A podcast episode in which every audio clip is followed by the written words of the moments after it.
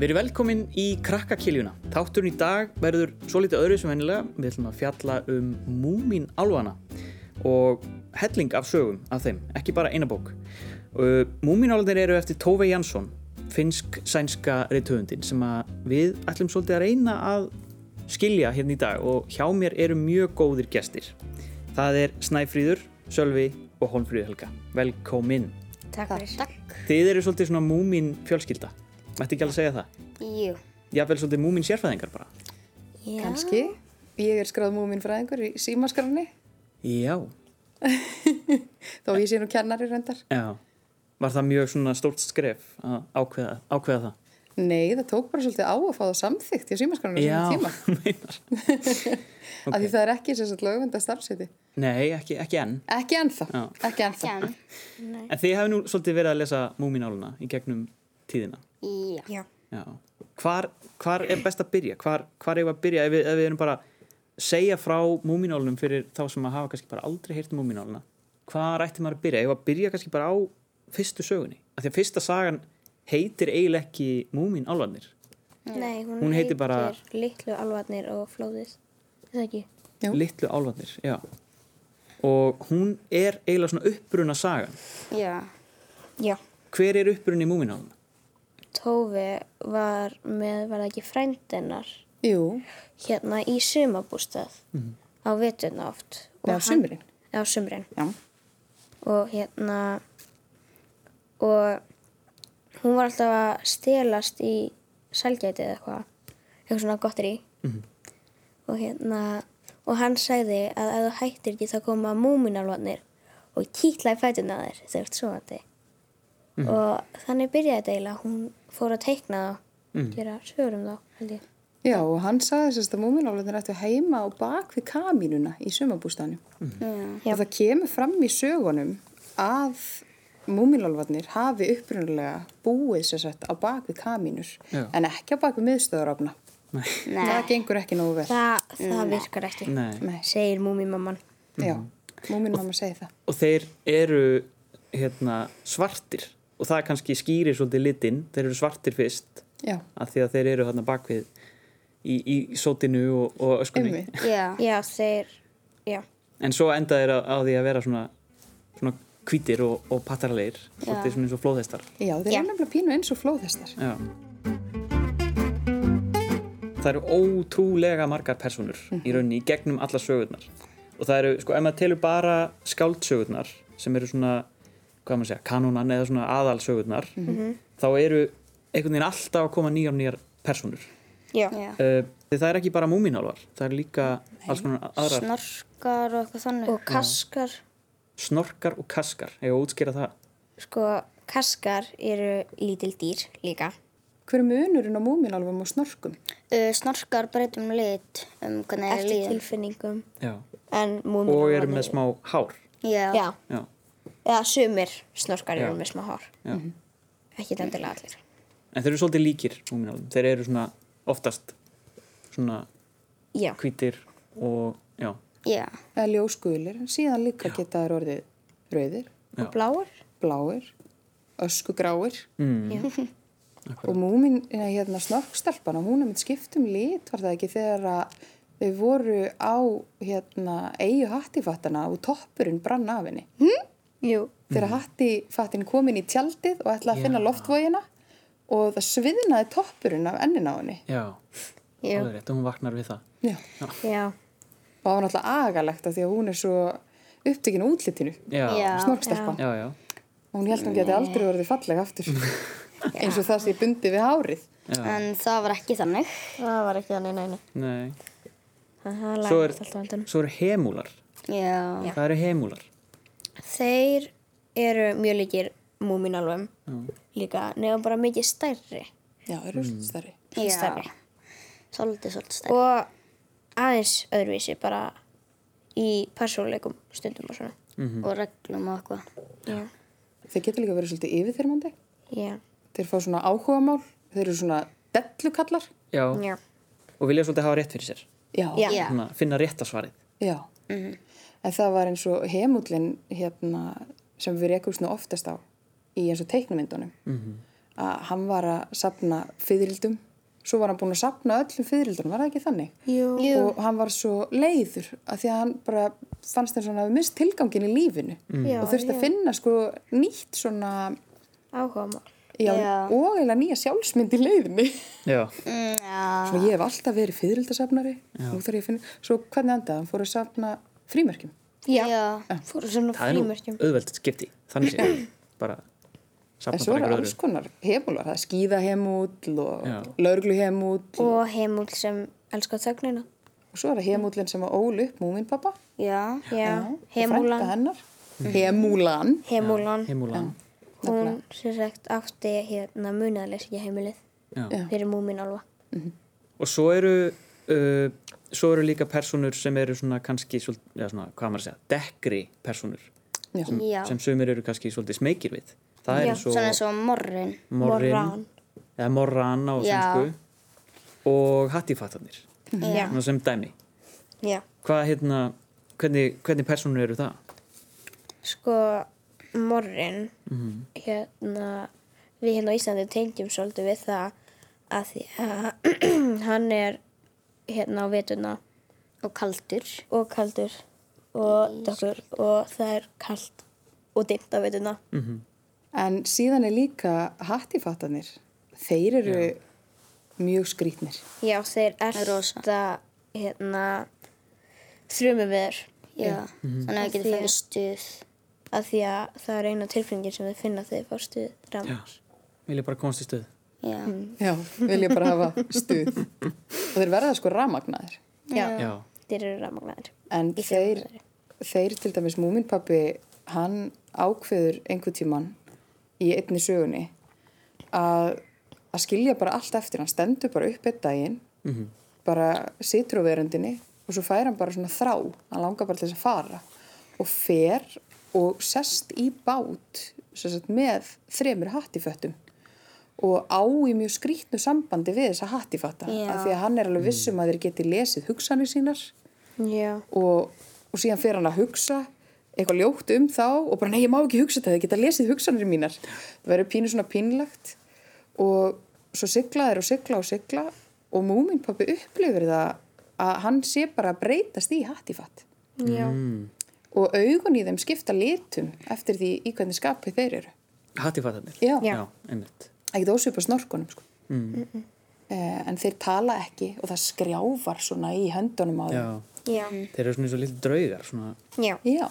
Þeir eru svolítið líkið þeim. Og hvað saði múminpappa? Hann saði að þeir væri svolítið bara svona eins og sokkar. Já. Já. Mm, já. Já, Eins og sokkar með engum hæl. Og fyndið með hattifætt að þeir eru alltaf í oddatölum. Já. Já. Á bátunum. Þeir eru aldrei í sléttir í tölu. Alltaf Í otta. þrýr, fimm, sjö, þú veist, Já. níu, ellefu.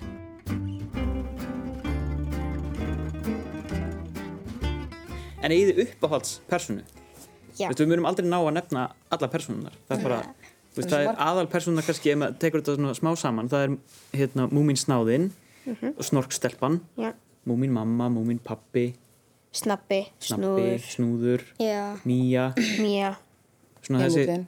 þessi Hemullin heimúlin, hana sem safnaði frímörkjunum Mm. Mhm. -hmm. eftir að hann safnaði öllum, maður var búin að ná öllum fyririldunum. Já. Mimla. Mimla, Mimla. Hún kemur svolítið mikið fyrir. Filifjónkan. Filifjungan Já. og svo Morran og Hattifattarnir og, Já. það er svona, og svo getur maður bara haldið áfram Já, endalaust næstum því. einmitt. En eigið þið uppáhalds Já. Minn uppáhaldskarakter er Títífú. TTV Já, hann sem sagt, það veit ekki allir hver hann er. Það, hann er bara í einni smásögu. Já. Einni. Og hann hérna snúður sér þetta ferðalagi -hmm. og er að labba í, kringum, í gegnum eitthvað skó og þá heyra svona skrás, hérna skrá við runnunum og hérna og þá kemur svona lítið dýr út úr runnunum og segir ó, snúður og náttúrulega snúður veit ekki hver hann er og svo bladrar hann og bladrar hann hvað hann ve- veit mikið um hann og ferðalögin hans og, Og snúður verður pyrraður. Og Það er alltaf að laugar. gera lag. já, og hann var sett með lag undir hattinum mm. og svo mista hann bara stemminguna og bara myndi ekki lagið að því hann talaði svo mikið þessi títífú sem átti samt ekki nafn á þeim tíma og svo sefur og svo fer títífú og hérna hérna snúðu sefur hann í nóttina og heldur svo bara áfram en svo hugsa hann bara en Títi var svo, skemmt, Títi var svo skemmtilegur mér langar að fara aftur til hans eða þú veist, litla veran Við glemdur einu part Hvað var það? einna að Títi úr spurði snúð hvort að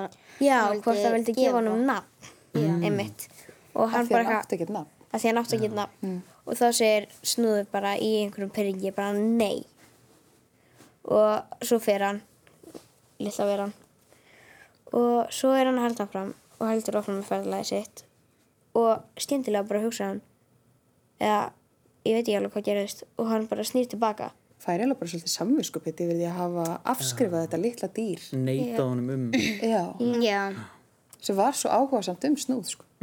já og svo leitar hann að hann og bara eitthvað og finnur hann og finnur hann og segir og gaf hann ekki nafni þá eða? Jú. Mm. Jú, og nafnið er þess að Títivú og útskýringin á þessu nafni er sem sagt það er glatt í byrjun og svo Vú, Títivú Mm. Títivú TTV og þetta er persóna sem er bara í einni sögu já, Já, bara einnig sög og ég tengi svo við hann af því að hann fekk hann að munreipu já, og ég fæ svo mikið af munreipu þannig að já. og nú Já. ætla ég að stoppa munurleipuna og Já. nú er komið að sölva, er þú með uppáhald persónu? Uh, já, um, það er eiginlega snúður.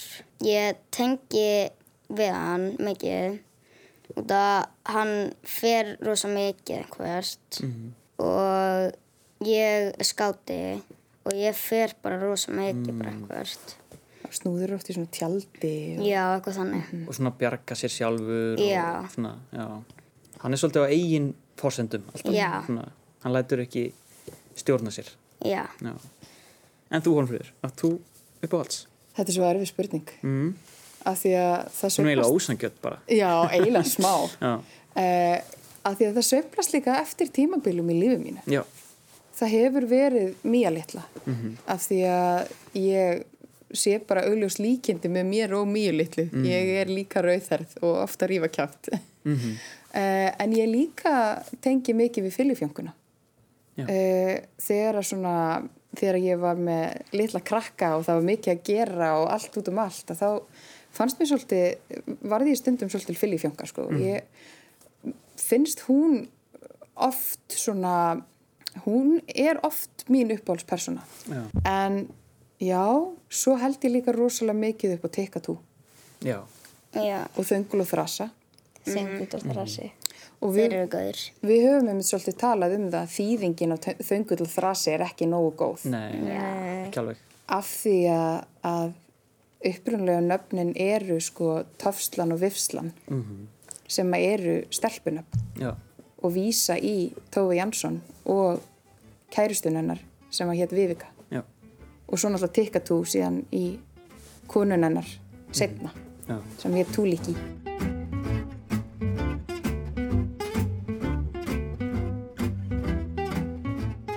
En ef við svona tökum þetta aðeins saman, Múmindalur er þeirra heimkynni og, og þar koma allir saman og það, sko, sumar sögurnar eru svona drungalegar og það koma hættur að utan og Heldur betur. það eru sumar svolítið svona óhugnalegar. Og það eru engar smáhættur, ég meina það eru sko bara hamfarir. Já. Það eru sko hamfara flóð, ekki bara í einni heldur fleiri sögum. Og það og er, draugalestir já, draugalestin. Sem, eitthvað, sem kaskurinn ímyndaði sér Já, sem kaskurum var hættu við. Já, Og svo náttúrulega sko þeirra ringdi stöðugt í átta vikur já. og skemmtigarður mm -hmm. heimúlan æðilaðist. Já. Og svo náttúrulega halastjarn. halastjarnan, já. og galdrakarlinn, hann er kannski ekki kannski ekki sko náttúruvá en, en hættulegur samt sem Já. kemur að sækja konungsrúbinin já, já, En Múmindalur er alltaf svona greiðarstaður. Já. já. Það er kannski svona það sem að einhvern veginn dregur allar sögurnar svolítið saman. Já, það er Já. svona að, að eiga starf heima og eiga góða að. Mm. já. og eiga bara stað þar sem að maður getur notið dagana í rólegheitum leikið sér við lækin og drukkið saft Já, þetta er eitthvað svo heillandi já.